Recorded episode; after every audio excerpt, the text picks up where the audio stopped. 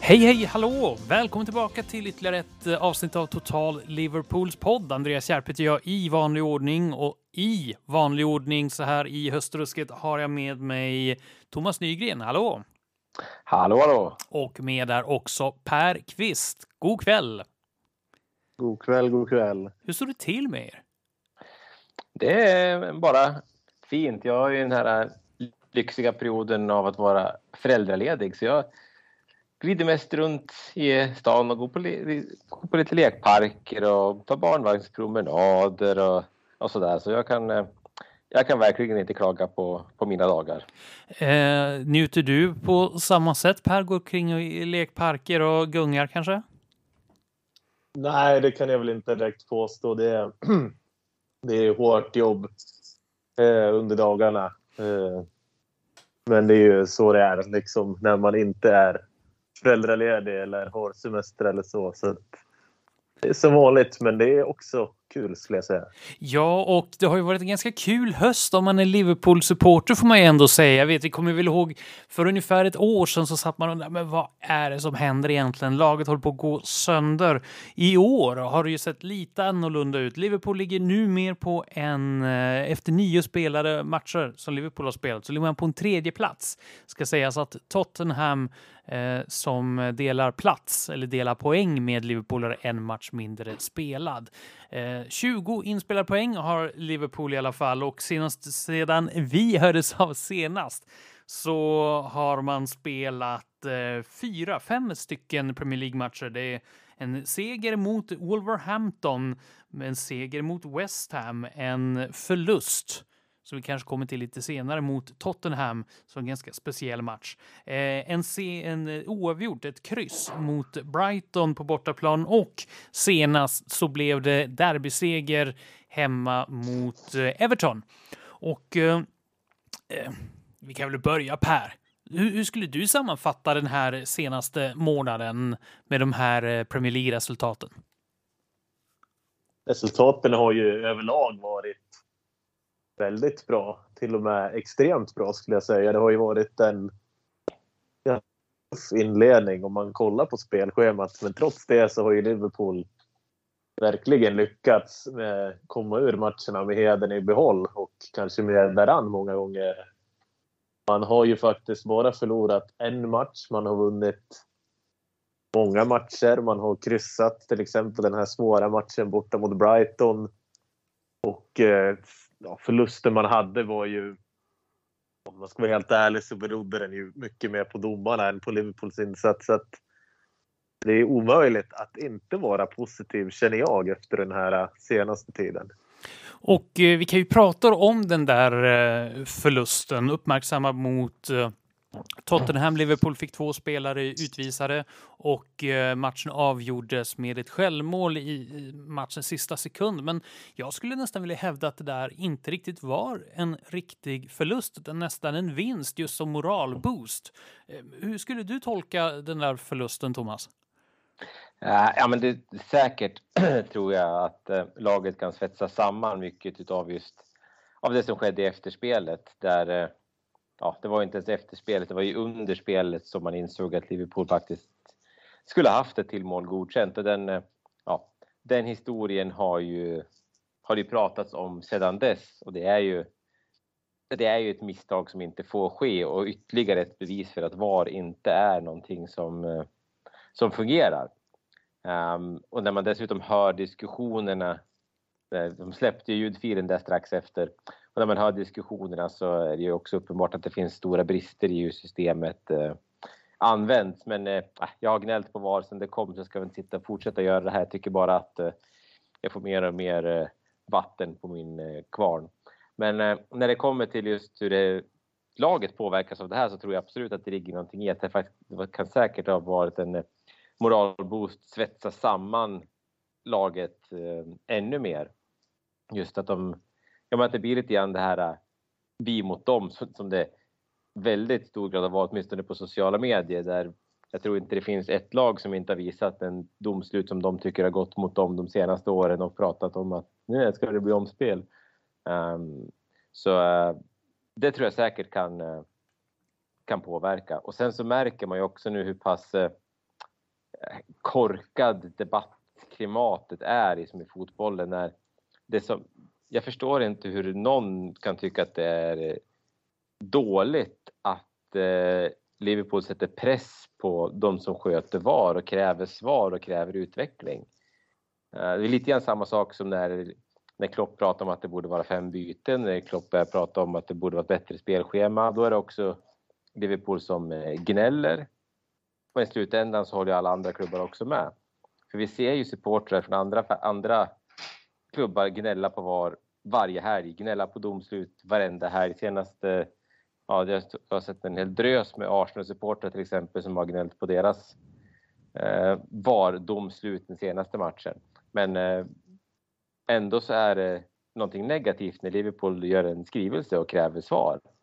Det borde ju ske efter varje misstag om man vill få till någon eh, förändring. För än så länge har ju inte de här förlåten som kommer ifrån eh, ja, från, från domarna betytt någonting för det görs ju samma misstag igen här efter. Så om inte man börjar ställa krav då kommer det inte heller bli någon förändring. Så eh, jag tycker att, eh, jag må vara partisk, men jag tycker att snarare borde klubbarna stå upp bakom Liverpool istället för att eh, man ska håna och skämta om det. Liverpool har ju haft många tveksamma, uppmärksammade tveksamma domslut ska jag säga och Liverpool har ju en annan plattform än vad exempelvis ett lag som Wolverhampton som kanske blir förfördelade i matcher mot exempelvis Manchester United. Eh, men det, alla de här domsluten har ju eh, Liverpool kommit vidare med. Är det det som är den stora skillnaden mot förra året? Att nu så har man haft ja, men, lite flyt när man ändå har haft mot gånger jämfört med förra säsongen när man då alltid hamnade under eh, i målunderläge. Även om man har gjort det nu också så har man också haft en moralboost att man har klarat de här svårigheterna. Är det det som har varit skill skillnad mot förra säsongen exempelvis Per? Jag tror inte att det är hela sanningen. Det kändes ju som att man hade soppatorsk från start förra säsongen. Många äldre spelare, speciellt på mittfältet, som inte riktigt orkade springa som tidigare och så vidare. Men nu är det ju nästan tvärtom. Om man kollar på till exempel Soboslaj så blir ju han nästan som två spelare när Liverpool får en spelare utvisad. Han orkar springa hur mycket som helst, hur snabbt som helst och är också skicklig. Så man har ju soppa på mittfältsmotorerna nu på ett annat sätt än förra säsongen. Eh, jag känner väl alltid att man ska inflika i det sammanhanget att de som hade soppatorsk i fjol, de hade ju haft enorma motorer i många, många år.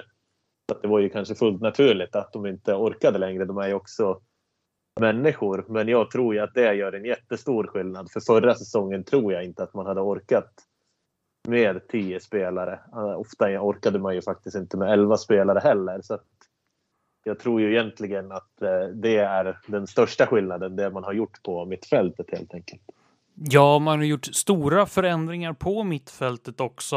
Eh, vi har ju pratat ganska mycket om eh, Soboslaj som har potential att bli någon form av eh, favorit här i podden. Han pratas väldigt varmt om. Även eh, Alexis McAllister har ju spelat många matcher och gjort många bra insatser trots att inte i sin naturliga position. Han är ju lite mer tillbaka tillbakadragen position mot kanske var hans spetsegenskaper ligger. Eh, vi har även pratat om eh, den japanske landslagskaptenen Endo som har fått hoppa in lite ibland. Men vi har inte pratat där jättemycket om egentligen det senaste nyförvärvet som nu, de senaste matcherna börjar på få, få lite mer speltid. Jag pratade om holländaren Rian Gravenberg. Eh, och eh, Thomas, vad, vad är dina intryck som du nu har fått av honom nu när han börjat få lite speltid? Jag tycker att det har sett eh, jättelovande ut inledningsvis. Han eh, är, har en stor fysisk närvaro på mitten.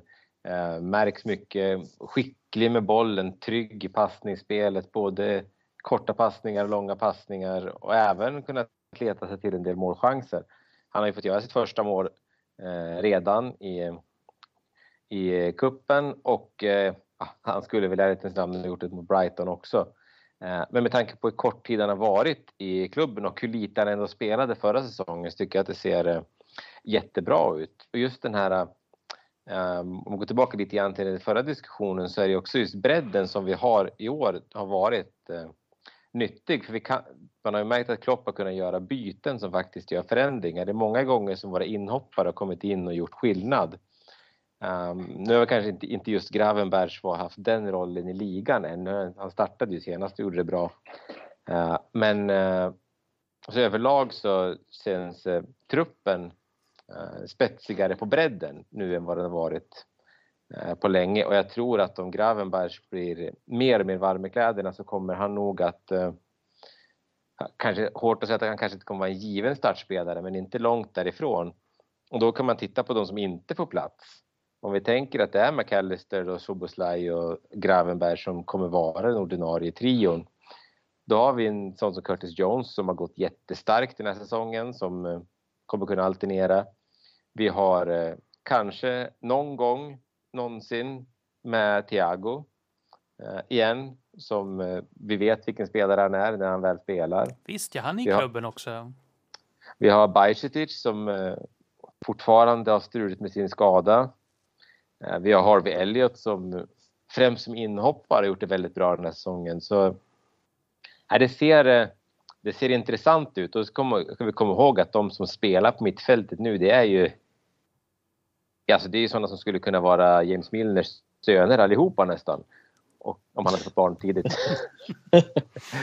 men, äh, men det ser, det ser lovande ut och just Gravenbergs han var ju väldigt hypad innan han gick till Bayern München och eh, hamnade lite fel där så kan eh, Klopp få honom att ta nästa steg i utvecklingen tror jag vi kan ha en, eh, en väldigt, väldigt fin eh, mittfältstrio. Det enda, enda som man kan säga som lite oro, oroande är väl kanske att ingen av dem har väl den här defensiva styrkan som sin eh, absoluta spetsegenskaper. McAllister som spelar sittande nu är ju mer, han är ju en playmaker, han är inte en eh, han är ju ingen Fabinho. Uh, och det är väl inte, det är väl inte Szoboszlaj eller Gravenbergs heller. Men man kanske kan spela mittfältsspel på ett annat sätt också. Klopp har säkert uh, tankar kring det här. Ja, jag tänkte Per, finns det verkligen plats för alla de här eh, mittfältspelarna då som Liverpool har i truppen att kunna hålla dem nöjda? För som Thomas säger, det saknas ju det här rivjärnet. Just nu så har ju Liverpool lite det mer än då kanske ändå som vi inte har sett tillräckligt mycket av för att utröna eh, vad det egentligen är för kvalitet på honom.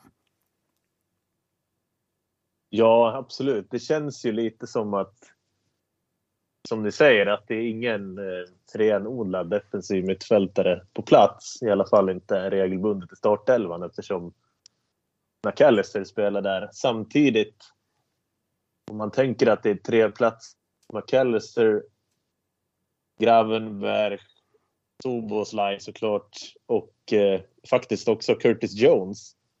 Vilket jag kanske inte trodde att jag skulle säga inför säsongen. Men de fyra känns ju allihopa ganska svårpetade. För alla har ju uppenbara egenskaper och som ni säger så finns det ju även fler spelare på plats. Så nu börjar det ju nästan kännas som att det hade varit problematiskt om man hade tagit in en jättedyr defensiv mittfältare eftersom man har de här fyra. Sen har man ju också fler som ni säger och känslan är väl verkligen att Thiago kanske skulle lämna redan i januari om han får något bra erbjudande. För det känns väl inte riktigt som att han, även om han kommer komma i form igen och han är ju såklart en jättebra och skicklig spelare då så är det ju kanske inte rimligt ur Klopps perspektiv att han skulle satsa på honom före alla de här yngre som man har. Curtis Jones, eller vad säger Harvey Elliott gör ju också bra inhopp speciellt nu, eh, nu på sistone. Så att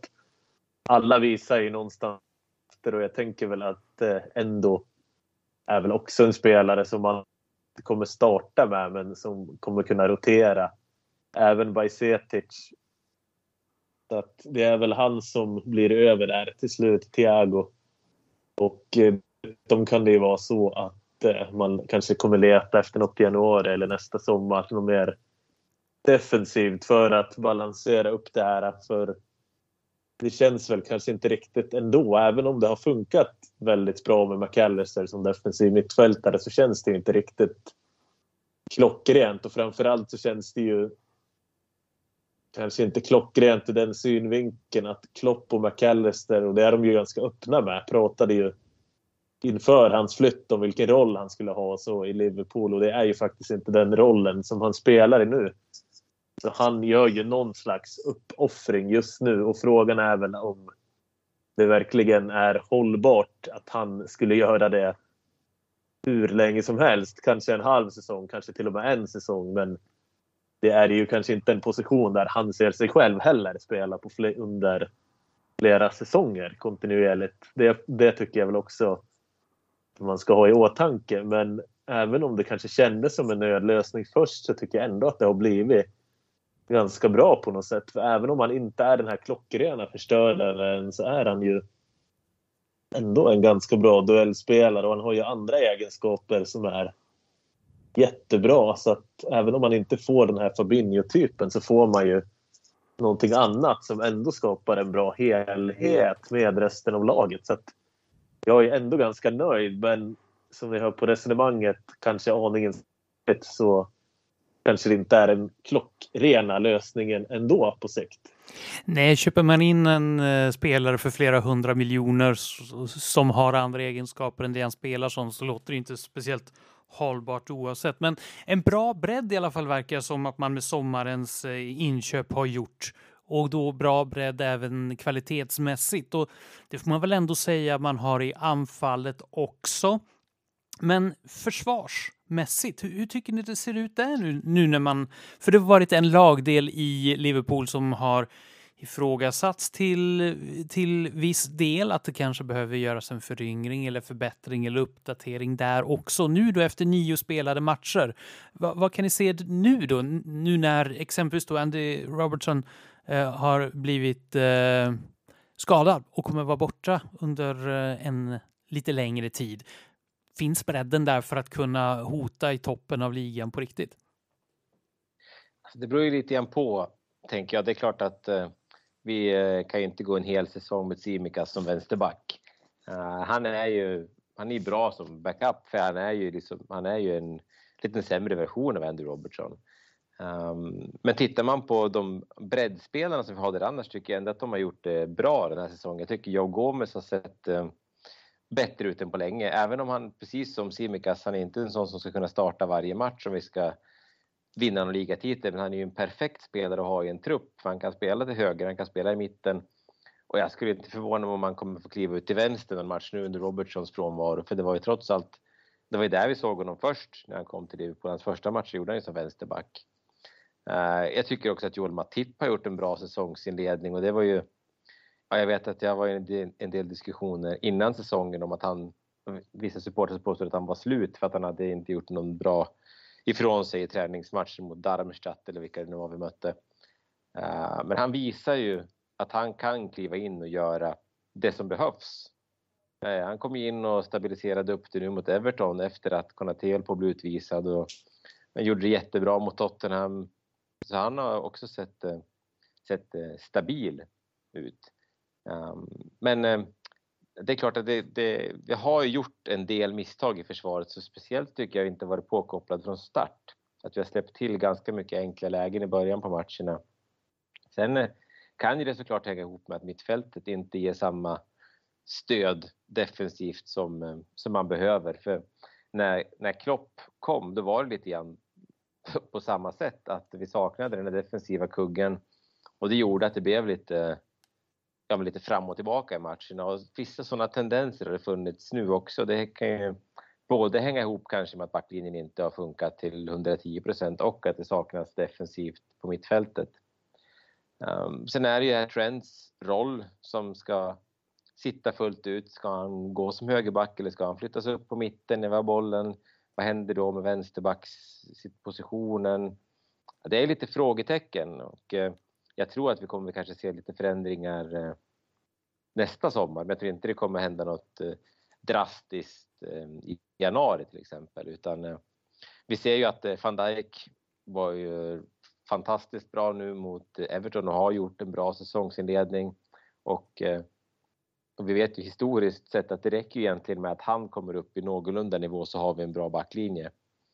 Ehm, så kan vi skala bort lite av de här egna misstagen, som det trots allt var båda målen mot Brighton till exempel, så eh, är inte jag speciellt orolig för försvarslinjen även om eh, Robertson kommer vara borta ett tag. Eh, och eh, när Robertson är borta kommer det då öppna sig som, som du säger Thomas, eh, Jao Gomez då som är mer naturlig mittback om man då har Trent Alexander-Arnold som då blir mer eller mindre en mittfältare när Liverpool har bollen. Är det då bättre att ha en spelare som Joe Gomez som har mer mittbackskvaliteter än Andy Robertson som också är en tämligen offensiv och eh, frejdig spelare. Kan väl vara arketypen för frejdig Robertson. Eh, per? man skulle ju kunna resonera så såklart, lite beroende på matchbild. För som ni säger så är ju Gomes en bättre spelare defensivt. Han är bra i luftrummet och sådär. Men jag tror inte att Klopp kommer att resonera så. Jag tycker väl egentligen att man kan säga att Simikas är den bästa backupen som Liverpool har i truppen om man tänker på likheten till den han ska backa upp. Han är ju också ja, han är ju som sagt ganska lik Robertson i spelstilen och han är ju faktiskt sina bästa år. Han är ju 27. Så jag tror att man kommer satsa på honom för även om han inte ger samma defensiva stadga som till exempel Gomes gör där så ger han ju annat. Han ger ju den här offensiva dimensionen som man ärligt talat ofta vill ha mot bollsförsvar. Han är en bra hörnläggare. Och det är ju också egenskaper som jag tror Klopp värderar högt. Högre än att få in Joe Gomez där. Samtidigt kommer det säkert finnas matchbilder där man vill försvåra resultat och så vidare där Gomes kommer att spela in. Men det är ju lite kul ändå för en spelare som Tsimikas.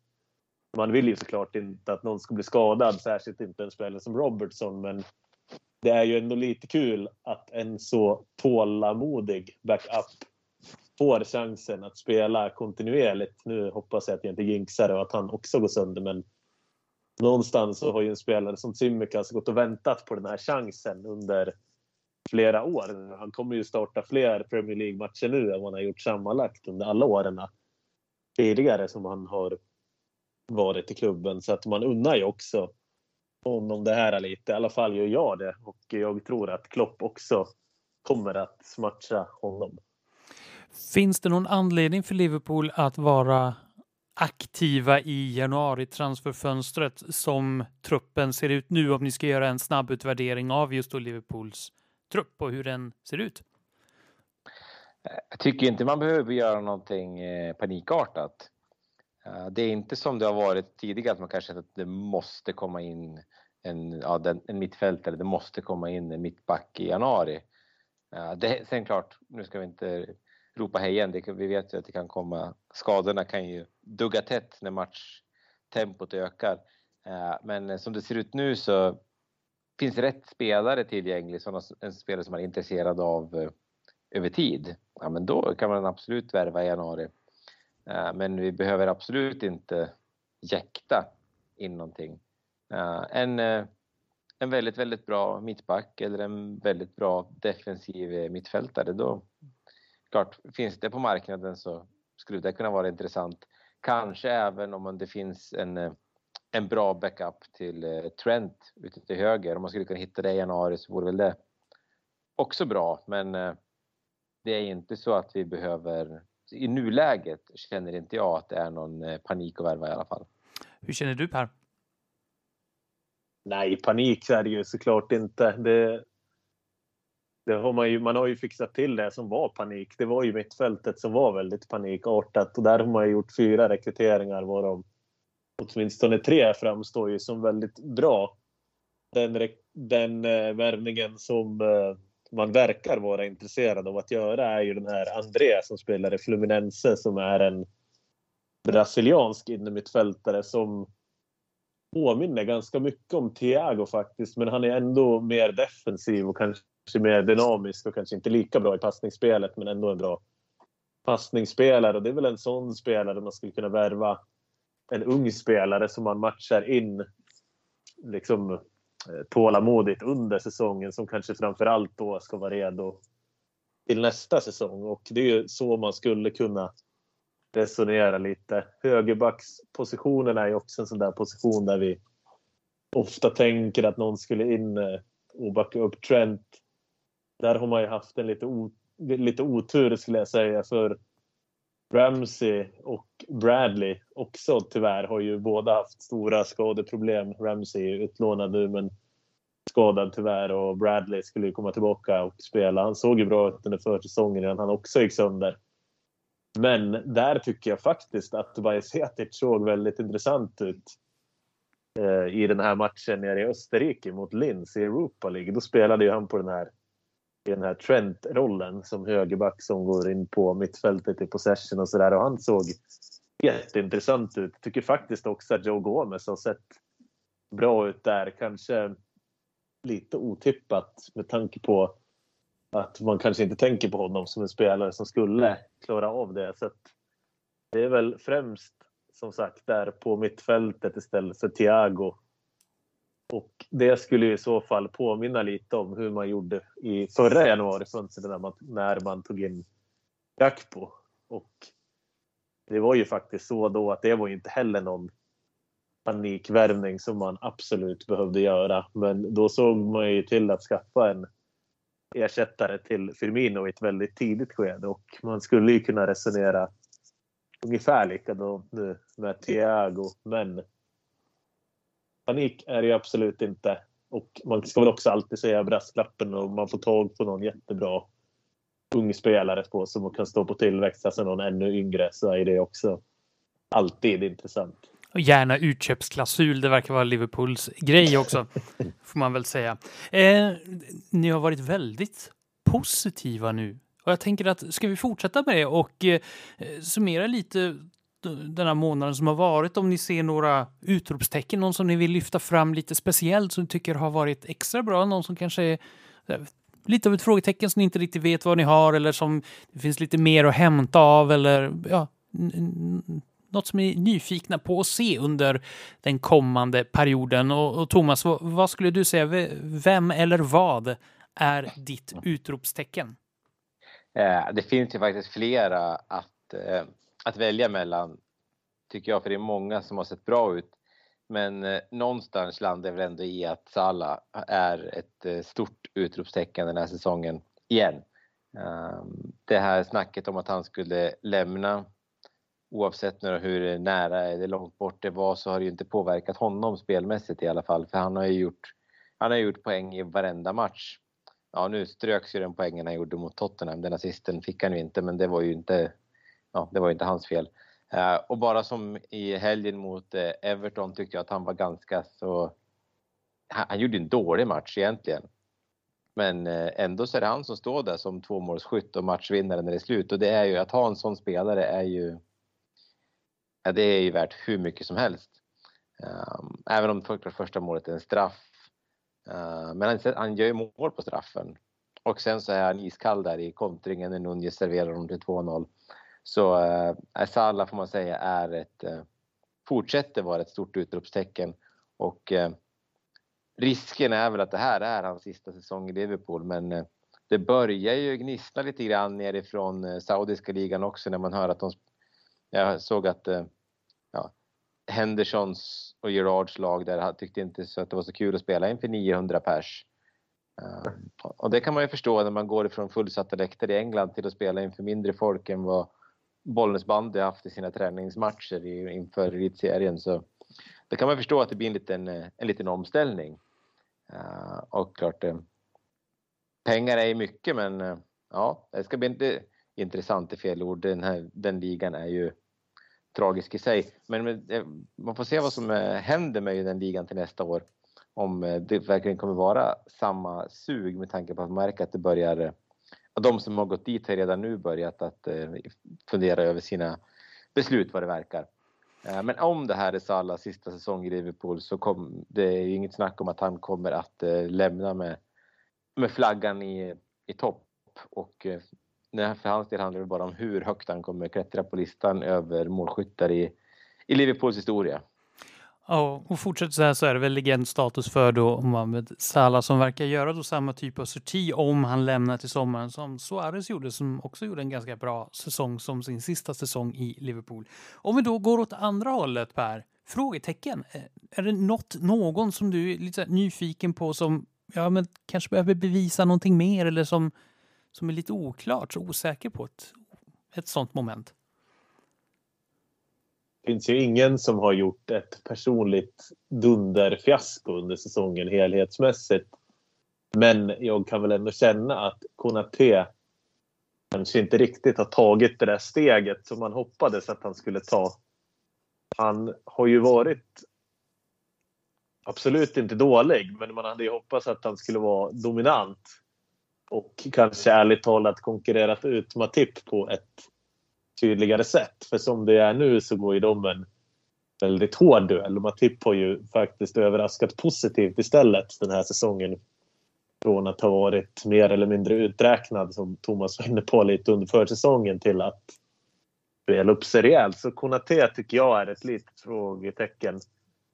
Och sen så skulle jag också vilja nämna också en spelare som har haft personliga framgångar den här säsongen.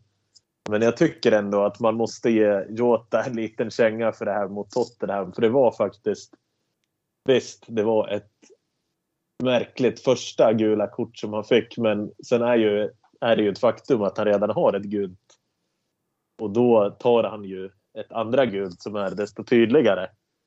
Och det var ju också, om ni inte har förträngt det, så Klopp kollade väl inte ens på honom när han lämnade planen. Det tycker jag ändå var...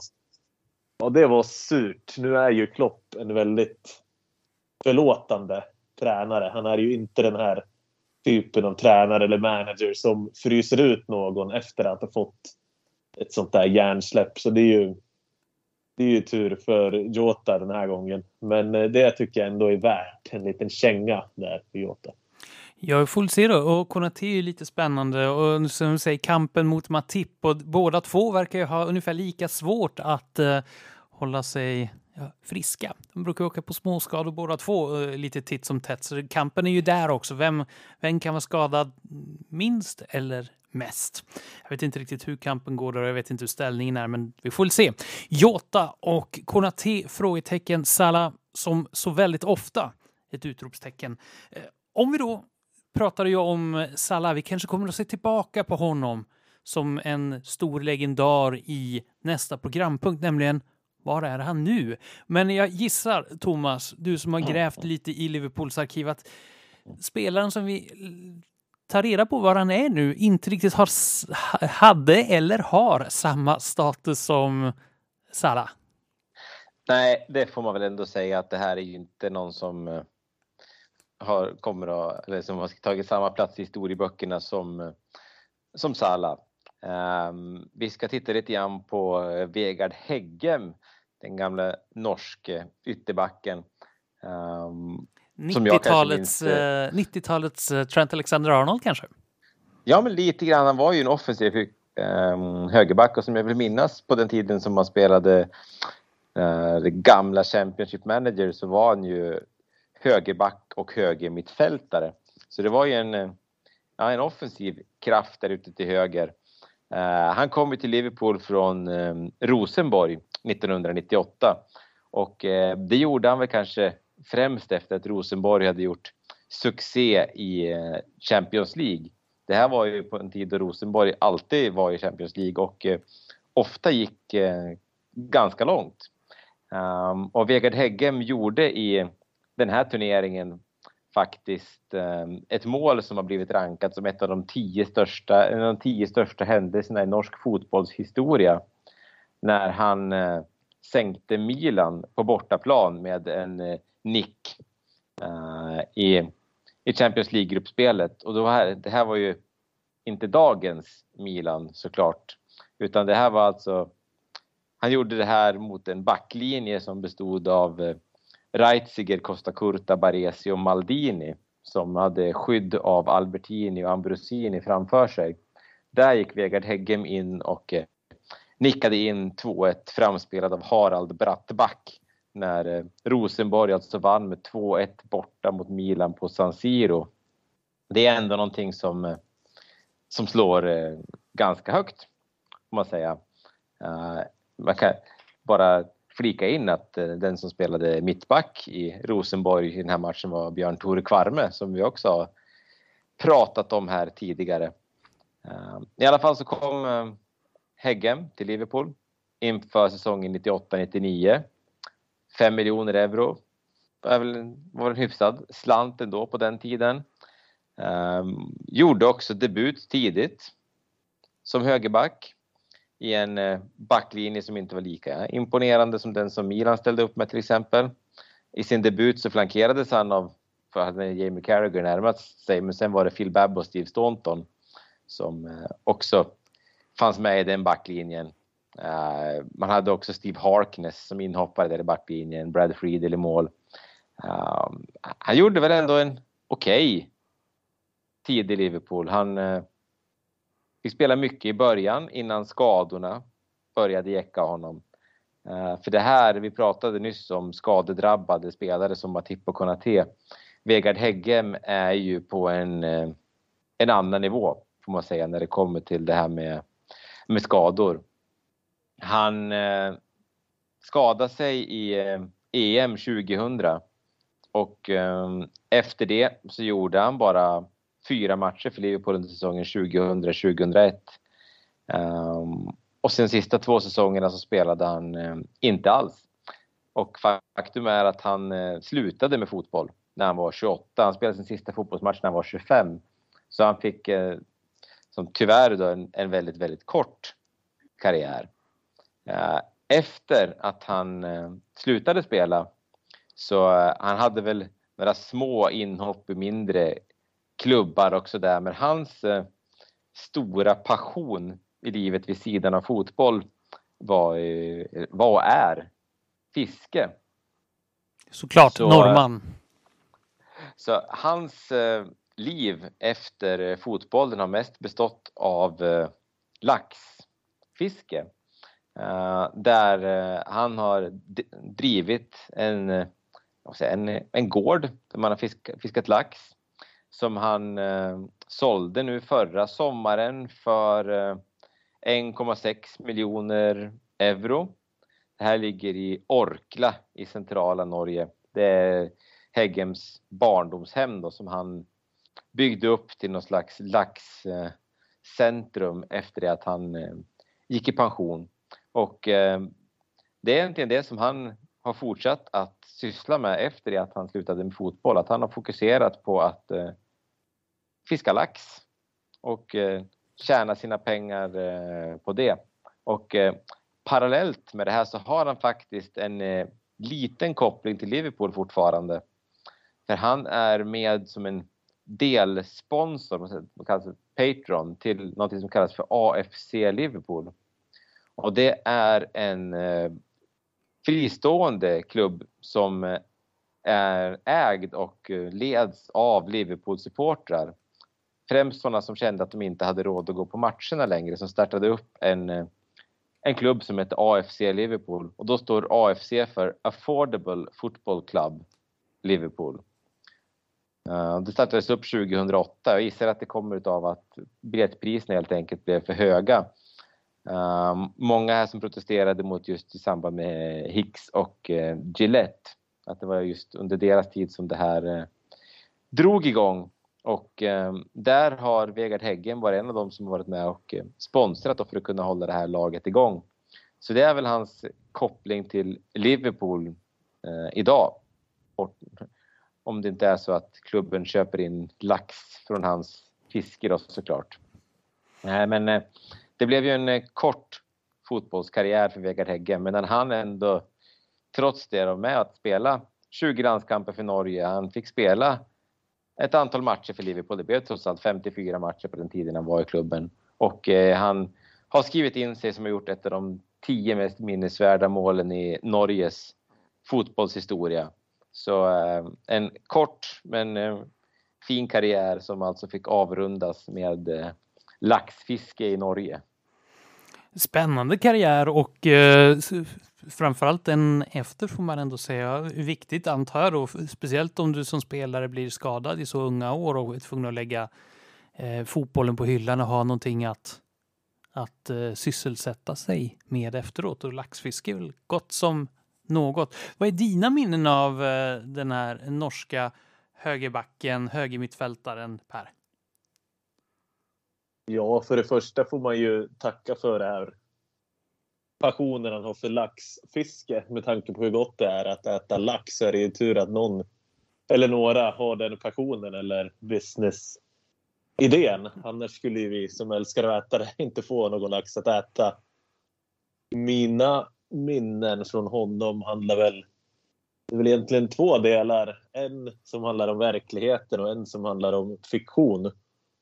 Fiktionen är den att Heggem var en spelare i det Liverpool-laget. I tv-spelet Fifa, senast jag spelade tv-spel, så spelade Heggem i det laget. Jag tror det var Fifa 99 till Playstation 1. Eh, och det var som sagt senaste gången jag spelade tv-spel. Och jag kommer ihåg att Heggem var en eh, sån där spelare man hade och Michael Owen var jättesnabb på topp och sånt där. Och det säger väl kanske någonting om min Ja, min, eh, hur säger man, min totala ointresse för tv-spel i vuxen mm. ålder. Att jag inte har spelat på 25 år nästan.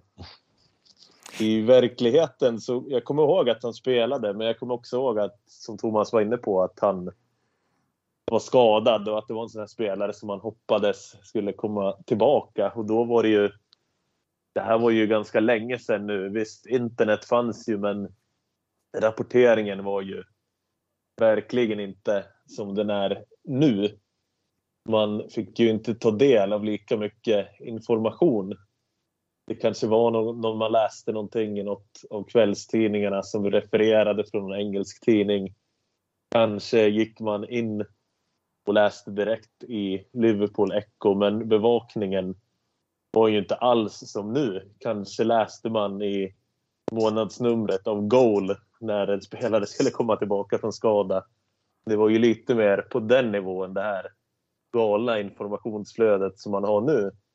Och det var väl på gott och ont. Så jag var kanske på grund av okunnighet, kanske på grund av Ja, vi vet ju inte riktigt hans läge då. Kanske var det så att han också hade förhoppningar att komma tillbaka. Men som sagt, det var en sån här spelare som man tänkte jag nästa säsong. Och det har ju funnits flera sådana spelare.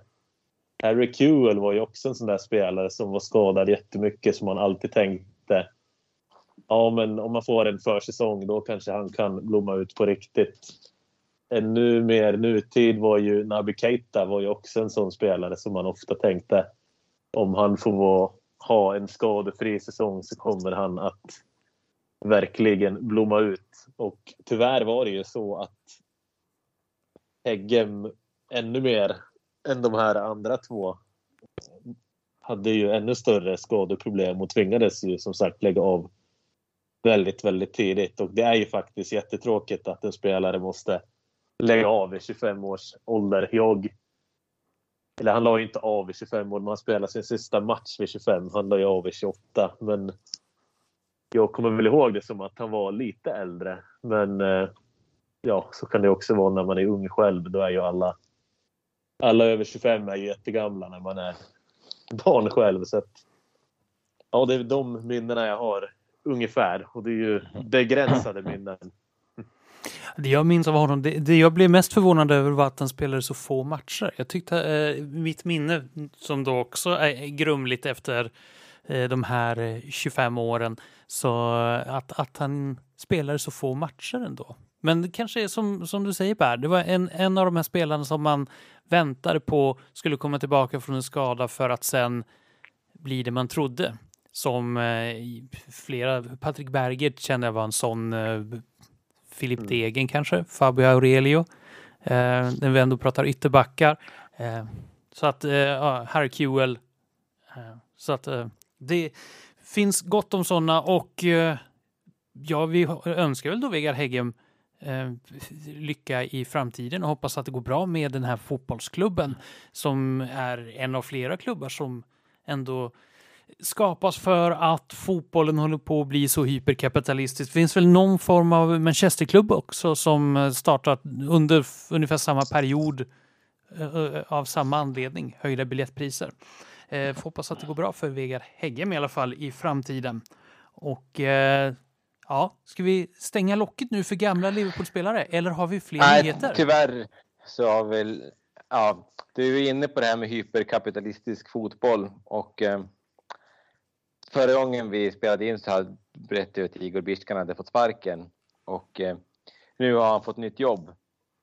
Eh, och eh, tyvärr då så har ju han också sökt sig till de här delarna av eh, världen där många av våra gamla spelare också har sökt sig, nämligen till den saudiska ligan. Eh, för eh, i mitten av oktober så skrev Bishkan på ett treårskontrakt med en klubb som heter Al-Shabab som håller till i saudiska högsta ligan. Så han kommer alltså ställas mot till exempel då Steven Gerrard på bänken om inte allt för lång tid. Och det var ju verkligen inte den bilden man hade när, när vi började prata om Bishkan som en framtida stortränare här och Gerard började slå sig fram som en framtida stortränare. Att deras möte skulle bli i, en, i den saudiarabiska ligan med allt vad som kommer med den.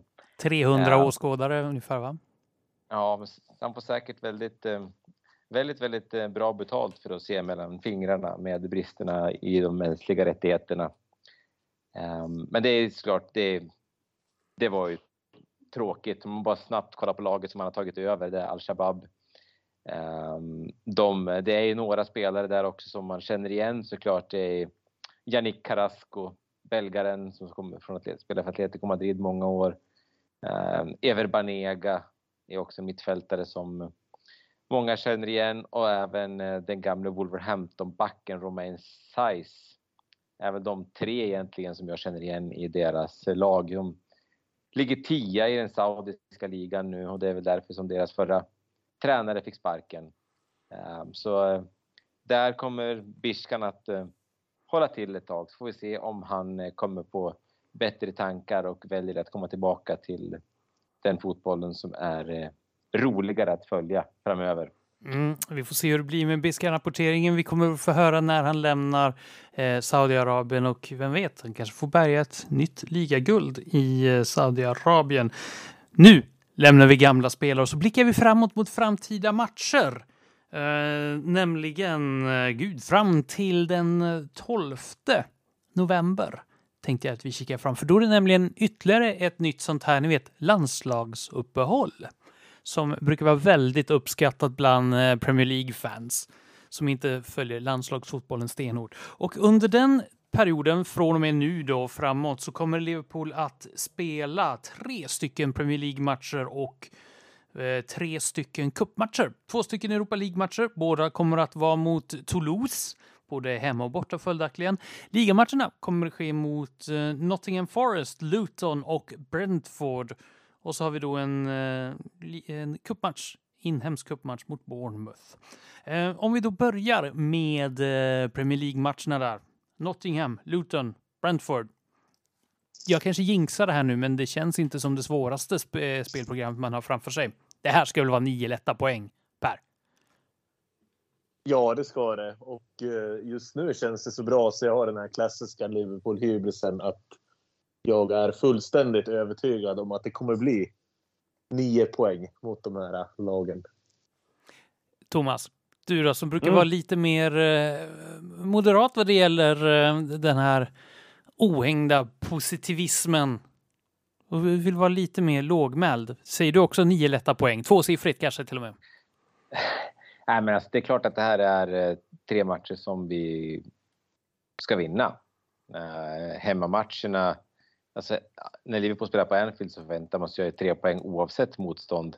Och eh, Luton borta är väl inte någonting som gör att man ligger vaken på nätterna, åtminstone inte på förhand. Sen kanske, sen kanske man kommer drömma mardrömmar om det i efterhand, men jag eh, tänker väl precis som Pelle att det här eh, det, det ska ju vara nio poäng. Vad vill, vad vill, ni se då från Liverpools sida? Låt säga då att det här blir som, som man tror att det blir, nio poäng. Va, vad är det ni vill se av, av Liverpool under, de här, eh, under den här perioden? Ja, det man vill se är ju segrar, att man kan ta tag i spelet, att man kan stå upp på ett annat sätt och att man, att man kan vara jämnare än vad man var i fjol. För då hade man ju faktiskt problem mot bottenlagen. Faktum är ju att Liverpool torskade många matcher mot de absoluta bottenlagen i serien som jag misstänker att några av de här kommer att vara. Eh, så att det är ju verkligen någonting som man ser fram emot att se den här säsongen i ja, en förbättring. Eh, Thomas, vad förväntar du dig? Vad vill du se? Ja, men jag är inne lite grann på samma spår, just det att jag vill se lite mer, eh, lite mer kontroll. Eh, lite mer tillbaka till det här um, till att vi bara spelar av matcherna och vinner dem. För nu har det varit lite mer här äh, att man har bytt chanser med varann och släppt till mycket chanser och skapat mycket chanser. Och jag vill säga att man har lite mer kontroll. Gärna undviker att hamna i underläge så man slipper jaga och kanske gör, gör, ett mål och spelar lite mer på resultat. Direkt man behöver, alltså 2-0 är ju ett bra resultat att vinna med. Uh, och uh, det var lite grann åt det hållet nu mot Everton. Även om målet kom sent så, uh, så var det kontrollerat och man släppte inte till några målchanser alls i stort sett. Eh, jag skulle vilja se lite mer av det Liverpool. För om det blir lite för mycket fram och tillbaka då åker man ju på nitar då och då. Eh, även om Alisson har räddat oss många gånger så skulle jag gärna se att han inte behövde göra det lika ofta. Utan eh, att vi kan gå in och städa av Nottingham med 2 eller 3-0 utan att eh, utan att man behöver sitta på helspänn sista 20 minuterna.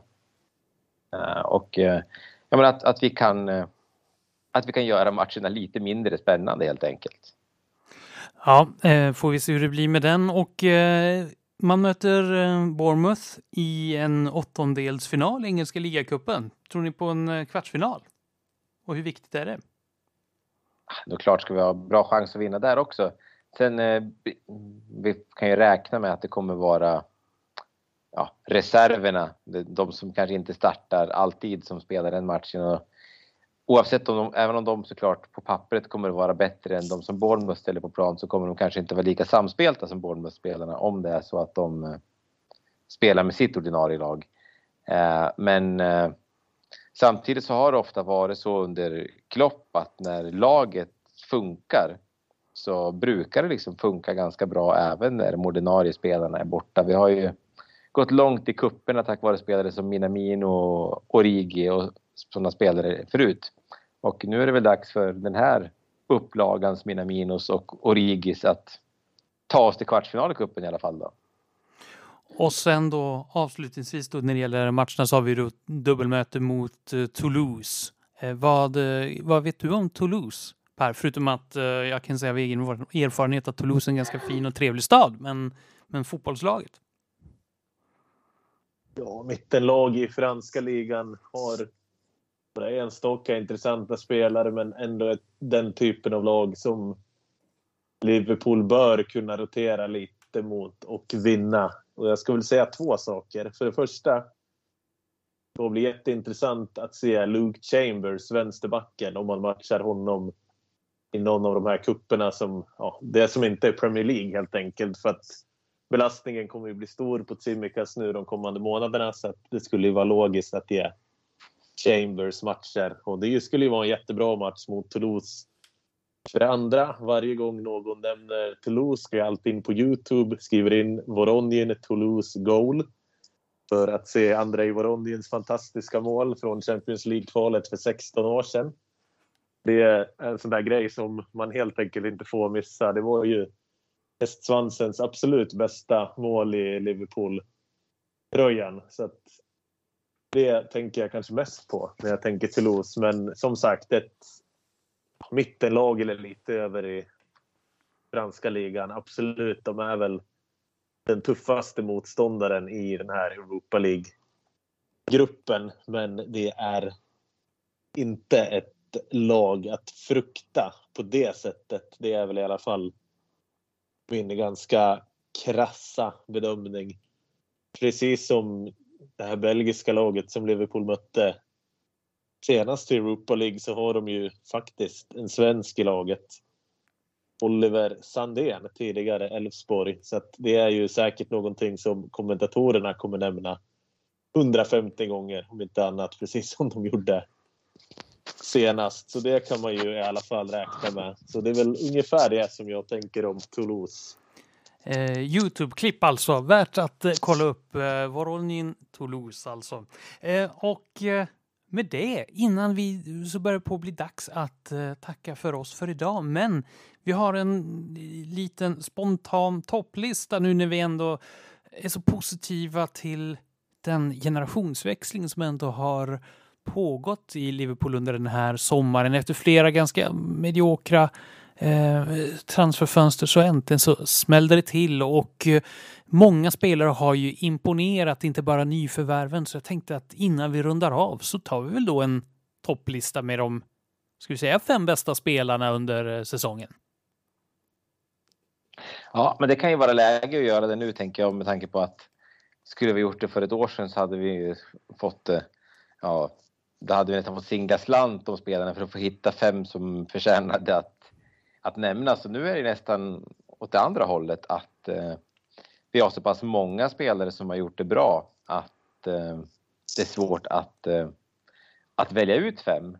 Och, och eh, ja, när vi satt här och språkade lite före så hade vi väl egentligen ett varsitt förslag om femteplatsen.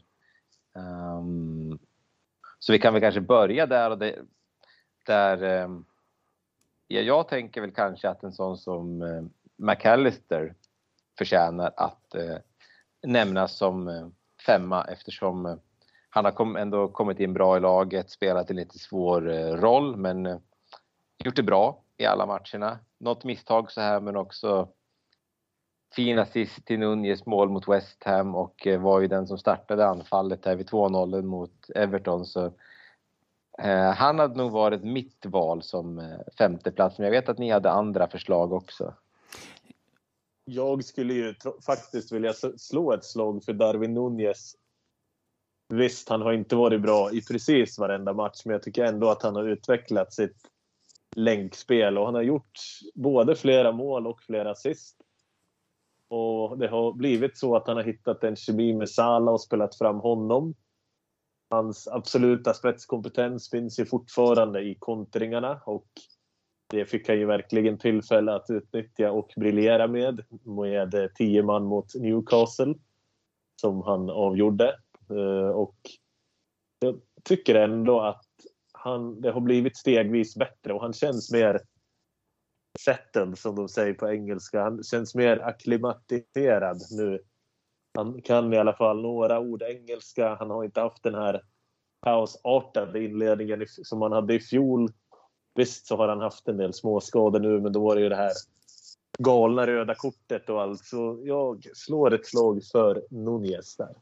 Ja, lite svårt har jag eh, det här med hemvävda spelare tycker jag. Jag tycker faktiskt att både eh, Curtis Jones i viss utsträckning, även Trent Alexander-Arnold förtjänar att nämnas. Curtis Jones kanske inte har spelat tillräckligt mycket, skadad och utvisad som han har varit, men lite av en så här tidigare slagpåse som ändå har fått någon form av upprättelse nu när han spelat, att han fyller en funktion. Men framför allt vill jag ju då lyfta fram Trent Alexander-Arnold som, som börjar hitta tillbaka till den spelare som, som man vill se på planen när han, visst, han gav bort några bollar i de första matcherna och så vidare, men nu under sista tiden ändå så, så har det börjat se ut som det ska se ut igen och jag tror att det hänger ihop, eller Liverpools framgång hänger ihop mycket med honom. Man bygger, helt, bygger mycket av sitt spel runt Trent Alexander-Arnold och skulle han bli skadad så finns det ju ingen naturlig spelare att ta över den rollen. Så jag tycker Trent Alexander-Arnold. Så det, det är väl våra då som som vi gemensamt har eh, dividerat om. Men, och det är plats nummer fem. Och det kanske var den svåraste. Vad blev det då på plats nummer fyra? Ja, på plats nummer fyra så har vi satt en spelare som också har fått en liten, ja, han var inte dålig förra året, men han var ändå, med hans mått mätt så var det väl en sämre säsong. Eh, men som har börjat eh, varva igång på allvar nu och det är ju van Dijk. Han, eh, vi har ju rätt höga krav på honom. Han ska ju vara världens bästa back i stort sett, för att man ska vara nöjd. Och nu som mot Everton så var han ju omutlig i luftrummet han var ju kanske den bästa spelaren på planen eh, i den matchen. Och eh, han har visat mer och mer tycker jag att han är på väg tillbaka efter en svagare förra säsongen. Det enda, enda missen man kan säga, det är klart hans uppspel mot McAllister där innan Brighton gjorde mål var väl lite, lite slarvigt. Men uh, överlag så tycker jag att van Dijk har gjort en jätte, jättefin säsongstart. Vad hittar vi på plats nummer tre?